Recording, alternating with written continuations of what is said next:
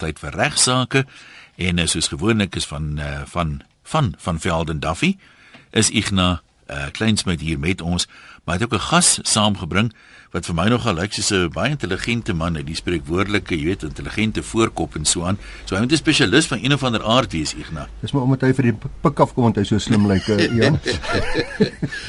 Ries Alberts. Ja, Ries Alberts, uh, luisteraars, goeiemôre. Uh het 'n BCom en 'n LLB en 'n LLM in omgewingsreg. Hy's 'n spesialis daar by die Sentrum vir Omgewingsbestuur by die Noordwes Universiteit die Potchefstroom kampus. En hy's betrokke by verskeie opleidingsinstansies waar onder andere ook help uh met die LLM en ook die MBA kursus by Tshwane Universiteit van Tegnologie. Hy is al gasspreker by verskeie geleenthede gewees, kliënte sluit in staatsdepartemente, plaaslike owerhede, multinasjonale kliënte ensovoorts.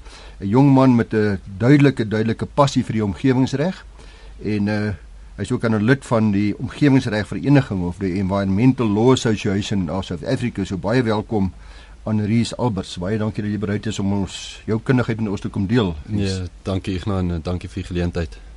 So die luisteraars kan maar vandag inbeel Ian oor alles en nog wat uh wat die omgewingsreg betref. Ek kan sommer nou al vir u sê die van u wat belangstel op die 17de Junie en die 24ste Junie gaan ons weer oor die omgewingsreg gesels met Ries, maar dan 'n uh, bietjie meer ge struktureerd.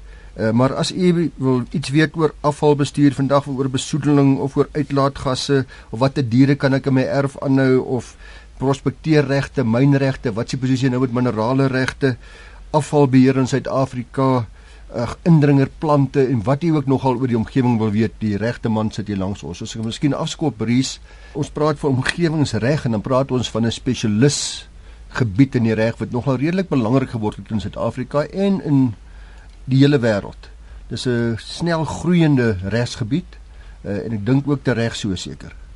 Ek nou ja, ehm um, sedert 10 ons die grondwet gekry het in 1996 wat daai um, reg tot 'n veilige omgewing bevat in artikel 24 het ons 'n magte om omgewingswetgewing gesien uh, wat kom dis dis wetgewing op nasionale vlak, provinsiale wetgewing en dan ook klomp regulasies uh, wat dan uitvoering gee aan hierdie wetgewing en die die omgewingsreg as veld het aansienlik binne die afgelope 4 5 jaar geweldig gegroei. Uh, soveel so dat van ons van ons kliënte maatskappye daar buite en so ook die staats uh, departemente sukkel om by te bly met die hoeveelheid wetgewing wat wat fisies deurkom en jy weet nes hulle dink hulle het iets onder die knie dan is daar 'n nuwe regulasie of 'n nuwe wet wat wat deurkom. So ja, vinnig groeiend.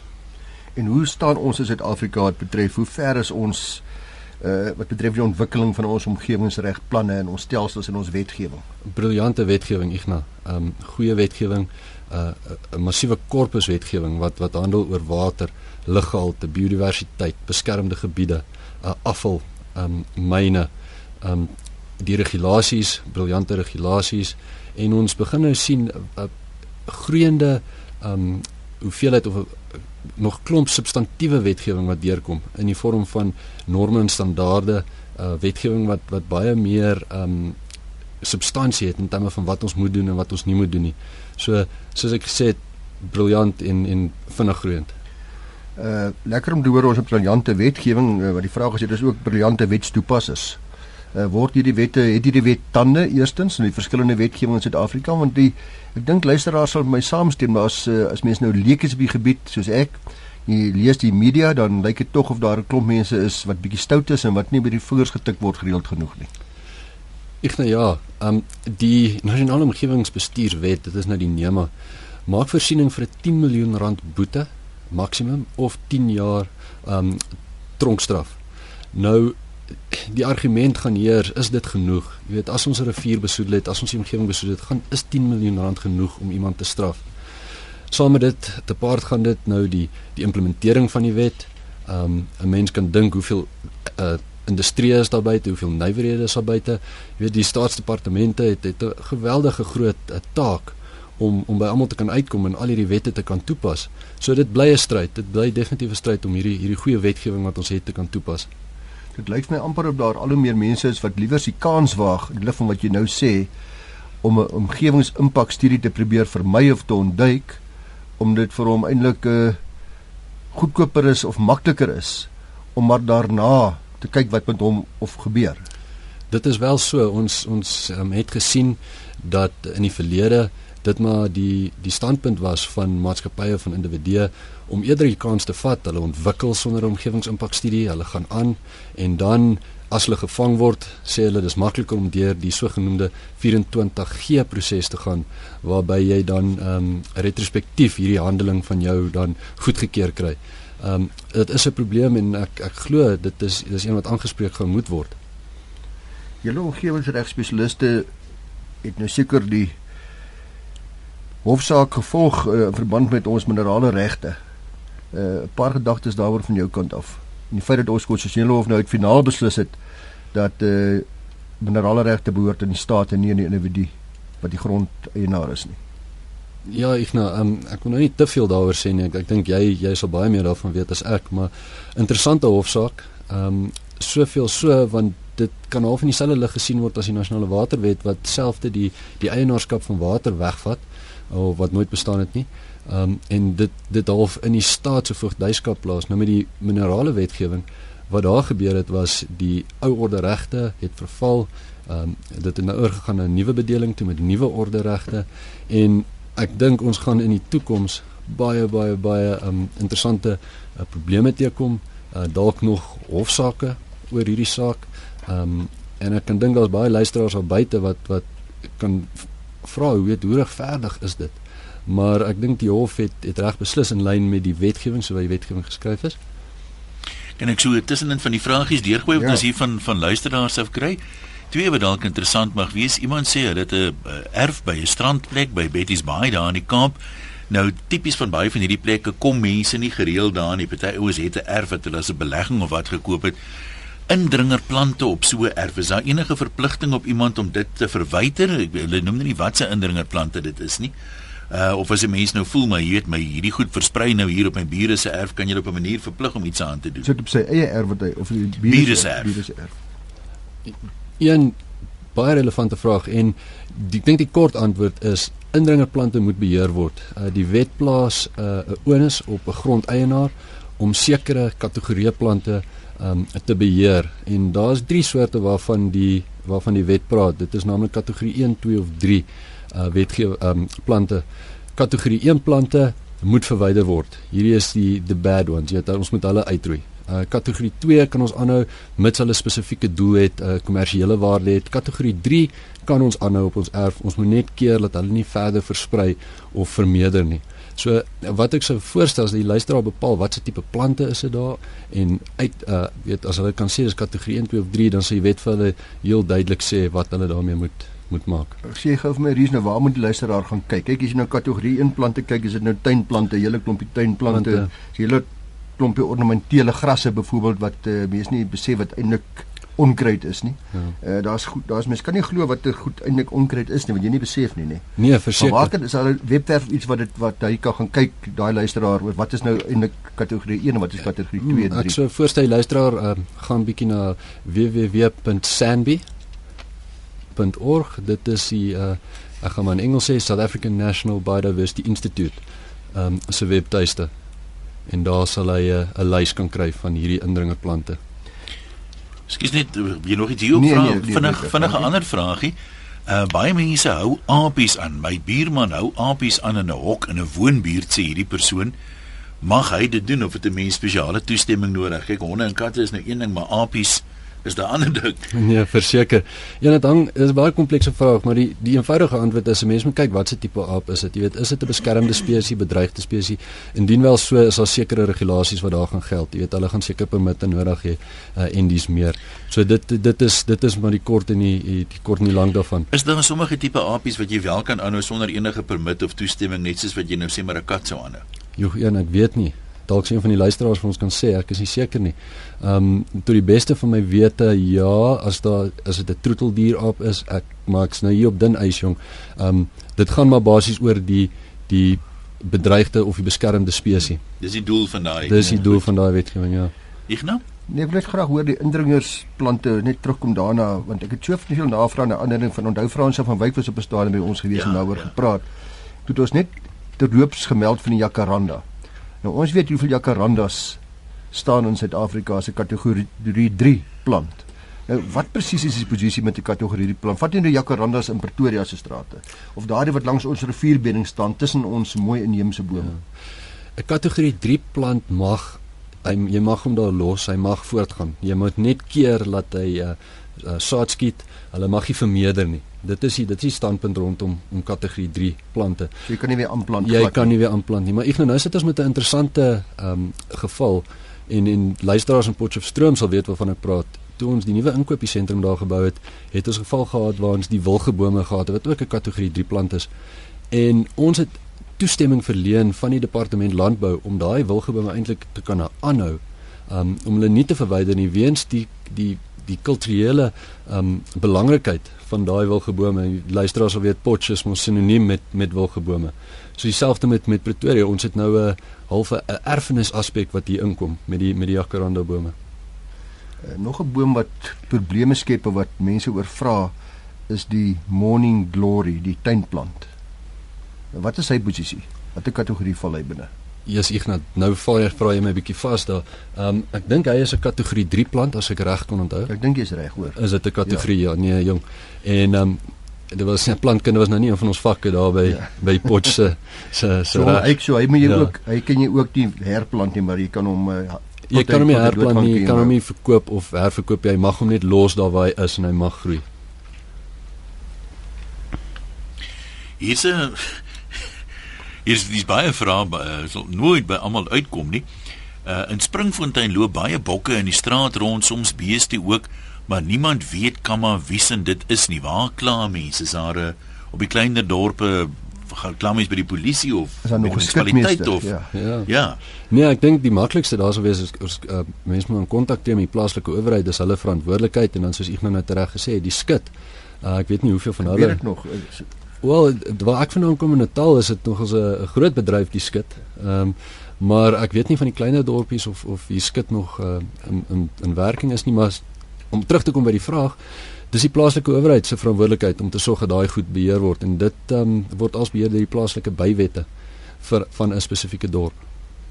Terloops net iets heel anderste, dit is die kwessie van nalatigheid, intellektuele aksies. Eh ek wonder altyd of die eienaars van hierdie beeste en hierdie bokke wat so op ons paaie loop in die nagte besef dat hulle intellektueel aanspreeklik is, hy voel regtelik omdat hulle nie behoorlike beheer oor daai beeste en bokke uitoefen nie. En as ek of jy met hulle in 'n ongeluk betrokke is, uh, dan kan ons uh, dagvaarding uitreik vir ons skade. Hm. En jy sê hulle sê ja, maar het die mense iets hulle minstens nog 'n klompie ander beeste dan nê. Nee. nee, verseker, ek, dink daai vyf ele elemente van die delik gaan maklik bewys word ja, in, in so 'n geval. Dit is so. Dan sê iemand hier, help asseblief met die beheer van ou bande. Ek is in besit van fotos van 'n groot area waar tonne bande op 'n daaglikse basis verbrand word. Niemand doen iets nie was al met die groen skerpioene in die Johannesburg metro in verbinding, maar niemand doen iets nie, sê Andre. Probleem dink ek met baie van die vrae is mense kan nou nie al die inligting hmm. gee nie en die detail gaan soms 'n verskil maak, so die die antwoorde gaan maar algemeen van aard wees, maar dalk kan jy Een, ek dink die, die luisteraar het reg opgetree, um, deur die groen skerpioene te nader. Um, ons luisteraars moet ook net weet die groen skerpioene het 'n nommer wat 'n mens kan skakel om anoniem enige omgewings um, oortredings te kan te kan um, te kan aan aangee. Maar in terme van afvalbande en, en ek dink ek gaan dit net vinnig noem, daar is 'n nuwe wetgewing of regulasies uit wat in terme van die ou omgewingsbeskermingswet van uh, 1989 uitgevaardig is. Um, en die Engelse naam van die plan is die Waste Tire Abatement Plan. Enige persoon wat hoeveelheid uh, afvalbande het, moet in terme van hierdie regulasies optree. En daar is streng streng reëls in terme van ehm um, voorbrande om hierdie uh, stoorplekke vir bande, uh, brandrisiko's vir hierdie bande, hoe hoog hierdie bande gestapel mag wees, hoe breed uh, hierdie hierdie um, bande ges, uh, gepak mag word. So dit klink vir my in die geval asof die mense glad nie voldoen aan aan die regulasies nie. Dan is hier 'n vraag oor die aanhou van hoenders in Pretoria. Kan 'n mens dit sonder net doen in 'n woonbuurt? En daar's areas in Pretoria ook waar die groter die plotte wat die ouens van praat. Ja, ons praat van melkkoeie en nie soort van dinge ook wat soms nog ja. in woonbuurte is. Dit gaan dit gaan neerkom op die die bywette en ook op die akte van 'n spesifieke erf of 'n mens getoegelaat gaan word om om sekere pluimvee of om sekere diere aan te hou. Ek dink as ek kom by pluimvee gaan 'n mens maar kyk na die oorlas. Jy weet, ek een of twee uh, kapok hoendertjies hoort nou nie 'n probleem te wees nie, maar as die manne vir hom daar 'n uh, groot uh, stoor gaan opsit en hy begin 'n klomp hoenders aanhou uiteraard maar ek dink om terug te kom by die antwoord dit dit gaan maar oor jou bywette en dit gaan maar oor die akte jou grond wat mag jy doen op daai spesifieke stukkie grond en dit gaan die munisipaliteite mee kan help. Kan ek terugkom weer by die wetstoepassingsgedeelte? Mm. want alles klink nou baie mooi wat jy sê en dit is reg so en te begin deur te sê ons het goeie uh, wetgewing. Uh, ons is eerste wêrelds maar weer die toepassing byvoorbeeld die persoon met die bande probleem uh hy sê hy kry nou eintlik ook nie eers hulp by die groen skerp unit as ek hom reg verstaan. Dit is ook nie effektief nie. Wat is die probleem daar? Hoekom uh, kan die goeie wetgewing nie toegepas word nie? Ek nou ek dink die departement omgewingsake sit met 'n geweldige probleem as mens kyk hoeveel hy besighede industrie en nywerhede daar buite by wie hulle moet uitkom en op hier tot op hede het ons maar plus minus 1000 groen skerpioene mm -hmm. uh, EMI's as wat hulle noem omgewingsbestuurs uh, inspektore Ehm um, hulle is besig met 'n groot veldtog om om nog op te lei uh, spesifiek 8 tot 900 net om te kyk na die afvalwet. So hmm. ek dink omgewingsake ehm um, het die probleem raak gesien en hulle is besig om dit aan te spreek. Hier moet jy aansluit skryf Louis, wat help dit as jy die wonderlikste wetgewing het en die wetmaker ignoreer dit op al die regeringsvlakke? Byvoorbeeld, die waterbed wet verbied die storting van rou riool in enige stroom of rivier maar die teenoorgestelde vind tans plaas, net so met vullestorting. Nie een van die plaaslike besture waar daar informele nedersettings is voldoen aan die betrokke wetgewing nie. So wat help die wetgewing nou? Dit is dis seker in 'n sin makliker om goeie wetgewing toe te pas. Jy kan nie swak wetgewing goed toepas regtig om die probleem op te los nie, maar dit is maar 'n frustrasie onder die publiek oor die algemeen. Ja, absoluut. Dan het een uh, uh, iemand wat oor die apies kommentaar lewer, Mariaan van Mosselbaai Ek self is 'n fanatiese aapie liefhebber. Die meeste in aanhalingstekens uitheemse soorte mag in Gauteng en in Noordwes en in die meeste provinsies wel sonder 'n permit aangehou word, maar in die Wes-Kaap mag niks daarvan sonder 'n permit aangehou word nie. Dieselfde geld vir reptiele inheemse spesies mag oor die algemeen glad nie aangehou word nie. So mens moet maar bedag daarop wees dat dit verskil van area tot area, né? Ja, en ek dink uh, baie dankie daarvoor luisteraar. Ek dink dit is 'n belangrike ding waarop ons nie geraak het nie. Provinsies in terme van ehm um, natuurbeskermingsordonnansies of wetgewing het um, dit verskil van provinsie tot provinsie. So mense sal jou maar moet uh, oplees op op die betrokke wetgewing in die provinsie waar jy is. Ehm um, ek weet dis nou jy's 'n dapper man moet ek sê hier want ons so uit die uit die blou te jy weet uit die vuis uit te antwoord dis nie altyd maklik nie maar kom ek uh, deel een of twee van die vrae met jou. Uh Ricky sê lyk my hulle het 'n laai graaf wat uh, uitgrawe werk doen.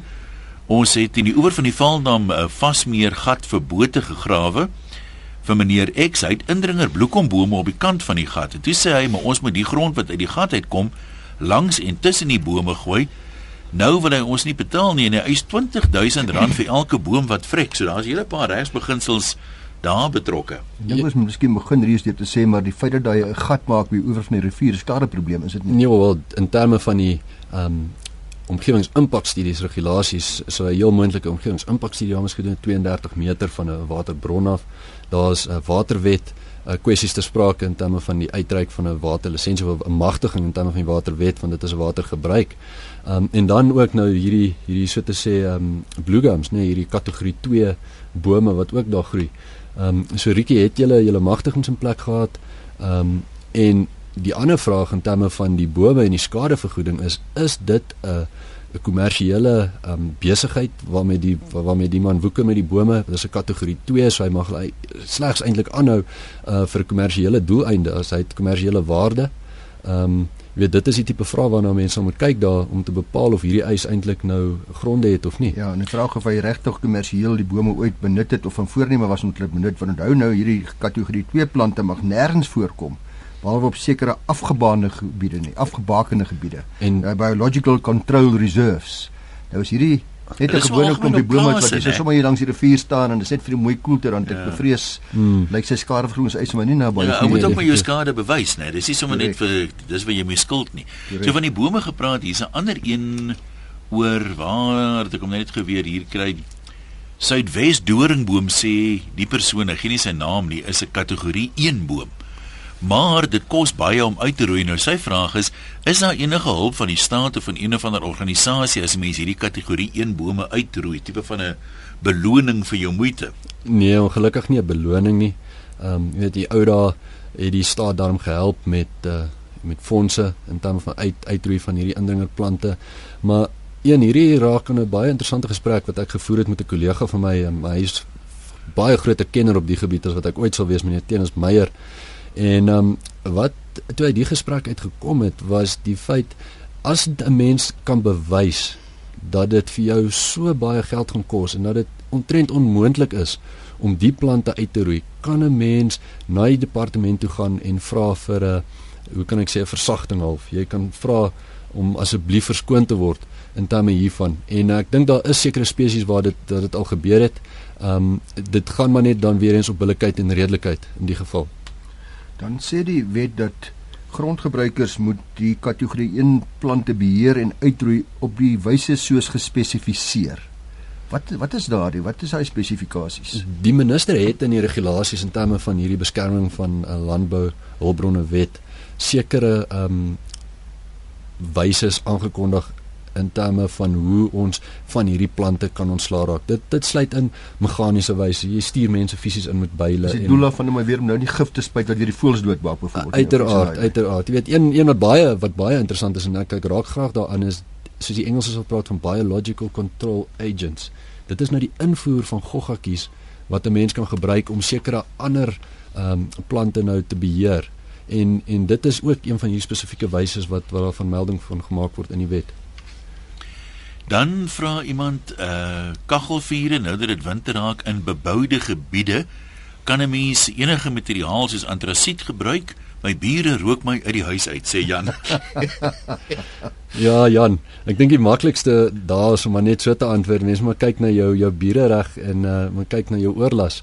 Ehm um, natuurlik jou bure kan mos maar hulle reg uitoefen om 'n kaggelvuurtjie te maak. Daar's niks wat hulle ver, verbied of verhoed om antrasiet te brand nie, maar hulle kan dit net nie op so 'n wyse doen dat dit onredelik inbraak maak op jou op jou regte nie. Nee. Dis maar 'n moeilike ding daai in die praktyk want ek weet partymal waai die wind nou na 'n sekere kant toe en dan waai die die die, reuk van veral as jy daai antrasiet net begin aansteek, dan gee jy maar 'n reuk af. Nou dis maar dieselfde met 'n braaivleisvuur ook.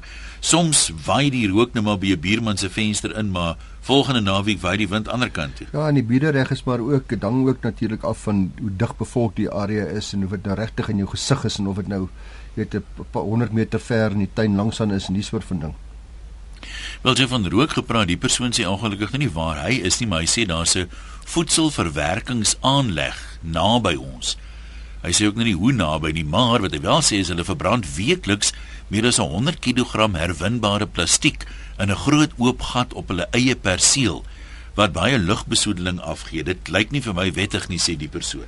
En ek is geneig om saam te stem en uh, sonder om om uh jy weet 'n antwoord te gee sonder dat ek nou al die al die besonderhede het daar die lig op ag die wet op lugkwaliteit uh bestuur in Suid-Afrika het 'n lys aktiwiteite uh, wat in regulasies gepubliseer uh, of gepromulgeer is en as jy 'n aktiwiteit onderneem wat hier gelys is, moet jy 'n lisensie hê. En ek praat hier spesifiek van kategorie 8 wat die verbranding van afval is.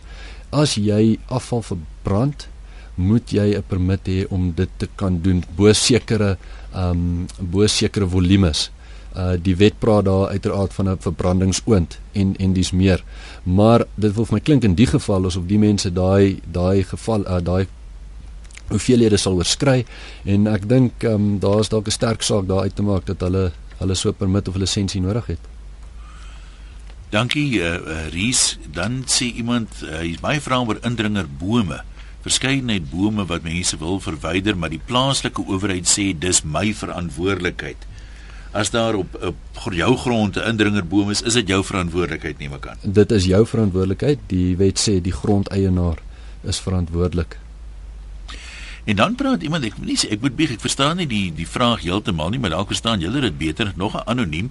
Ons het 'n fossiel stomp in ons tuin. Ek het geen idee wat dit is nie of dit 'n boom is wat versteen het of wat nie.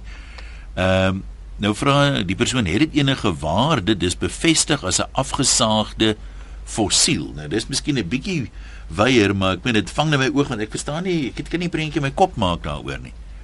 As die ding nou bevestig is as een of ander fossiel, hmm. het dit nie 'n soort van bewaringswaarde nee, nie. Nee, uiteraard. As dit as dit bevestig is, dan uh, gaan die erfenishulpbronwet van van sprake wees hierso in terme van meer spesifiek artikel 35 wat sê 'n mens mag sulke um, fossiele of gebeenderes uh, wat 'n aanneem hierdie boom dan sal wees nie verwyder of verniel of um, mag skuif nie. So as hy as hulle weet spesialiste ingekry het en hy so erken, dan gaan hulle moet mooi kyk na wat sê die wet, veral artikel 35 voor hulle nou besluit om die fossiel stomp te wil verwyder of af te saag of dit klink vir my die man het meer 'n kommersiële plan met die daai. Ja. Dalk verkoop. Nee, verseker. Ons hoendervraag het 'n paar mense die hoenders in. Ja. Iemand sê daai man persoon trap op my tone wat van uh, jy weet net 'n paar hoendertjies vir blootstelling vir die kinders veerpoot hoendertjies? En dan sê iemand anders in Benoni ook uh, ons het net 'n ou paar hennetjies hmm. daar's nie 'n haan wat kraai nie. Ja ja nee dalk het die mense my verkeerd verstaan. Ek het gesê um, ek glo nie dit sal 'n probleem wees as 'n mens so 'n paar van daai uh, veerpote aanhou nie. Dit gaan nou weer eens oor oorlas en dit gaan oor wat die munisipale bywette sê Nou dis die dis die vraag. Hier's 'n hele paar mense wat vra hierdie munisipale uh, ordonnansies uh, sê een persoon is die korrekte Afrikaanse term daarvoor. Uh waar kan 'n mens die goed nou ter insaag kry? Jy nou sien of jy 'n ding oortree, een van hierdie ordonnansies oortree of nie. Ehm um, want die persoon sê by die munisipaliteit is die rye darm maar baie lank. Is daar 'n webwerf of iets waar mense kan gaan kyk? Um, 'n mens moet maar met elke betrokke munisipaliteit skakel en kyk of of mense dit so in die hande kan kry. Ek moet sê vir ons in die praktyk is dit baie keer 'n kopseer om om van hierdie wette in die hande te kry. Ehm um, baie keer word daar vir ons gesê die wette bestaan nie of daar is nie wette nie. Ehm um, so ons sukkel nogals met dit en ek, ek kan verstaan die luisteraars se frustrasie daarin, maar die mense wat dit het is die munisipaliteite en 'n mens moet hulle moet skakel om te hoor. En ongelukkig verskil elke munisipaliteit se bywette van die ander. Uiteraard. Ja, dit is maar die bron ja. wat sê die moets en die moenies uit een. Ja, jy moet in Johannesburg gaan kyk wat op Rusper van toepassing is. Nee. Ja. nie werk nie. So gesels ons lekker, maar ons tyd is hier langs verstreke. Ek weet nie wat iets is wat jy nog uh, wou genoem het uh, Ja, ek het, uh, ek het vreeslike uh oulike mense wat baie mooi luister en ek het uh ek is reg gehelp deur regter en 'n senior advokaat en 'n ouditeur en 'n finansiële beplanner hoe ek het 'n foutjie gemaak wat ek net gou wil regstel vir week of twee terug gesê dat kapitaalwinsbelasting vrystelling ten opsigte van 'n primêre woning is 1.5 miljoen rand. Dis intussen op na 2 miljoen rand. Toe baie dankie vir u hulp in die regstel daarvan. En dieselfde ook wat die die insluitingskoerse van daai kapitaalwinsbelasting is in die geval van individue 33,3% en trust 66,6% en nie 25 en 50 soos ek nog gesê het nie. Jammer daaroor. Was altyd lekker as mense mooi luister en ons maak ook foute waarvoor ons om verskoning vra. Ja, dis altyd as ek sê die een ding mense jy besef nie altyd wie luister nie. Daar's altyd ou wat meer weet as jy wat luister. Ja, nee, nee, en dit is gaaf van hom om vir ons daai daai kennis met ons te deel. En Andrius Nel, die gesinsadvokaat het ook vir my gesê dat ek het deurloops net gemeld dat die gesinsadvokaat, toe praat ek verder net van 'n uh, uh maatskaplike werksters. Hy sê die gesinsadvokaat is inderdaad regsgeleerdes aangestel in gevolg van die wet op bemiddeling en sekere egskeringsaangeleenthede. Nou word hulle natuurlik bygestaan, die persoon wat die grondwerk doen. Ja. Ondersoeke doen is dan natuurlik nou uh maatskaplike werksters hoofsaaklik. So dankie ook aan Andrius uh vir die inligting. Ja, dan met ons haltroep Ries Alberts, baie dankie vir jou insette oor omgewingsreg. Ons waardeer. En as jy algemene vrae het wat ons in toekomstige regsaake kan behandel, is jy welkom om dit vir Ignas te stuur. Ignas, hoe kontak ons jou? Is Ignas by vvd.co.za en terloops Ries is weer die 17de Junie en die 24ste Junie kan jy gerus luister. Gaan ons meer in diepte praat oor seker van die aspekte wat ons vandag net aangeraak het. Ja, baie dankie. Dis vandag se regsaake moontlik gemaak deur die Prokureursorde van Suid-Afrika.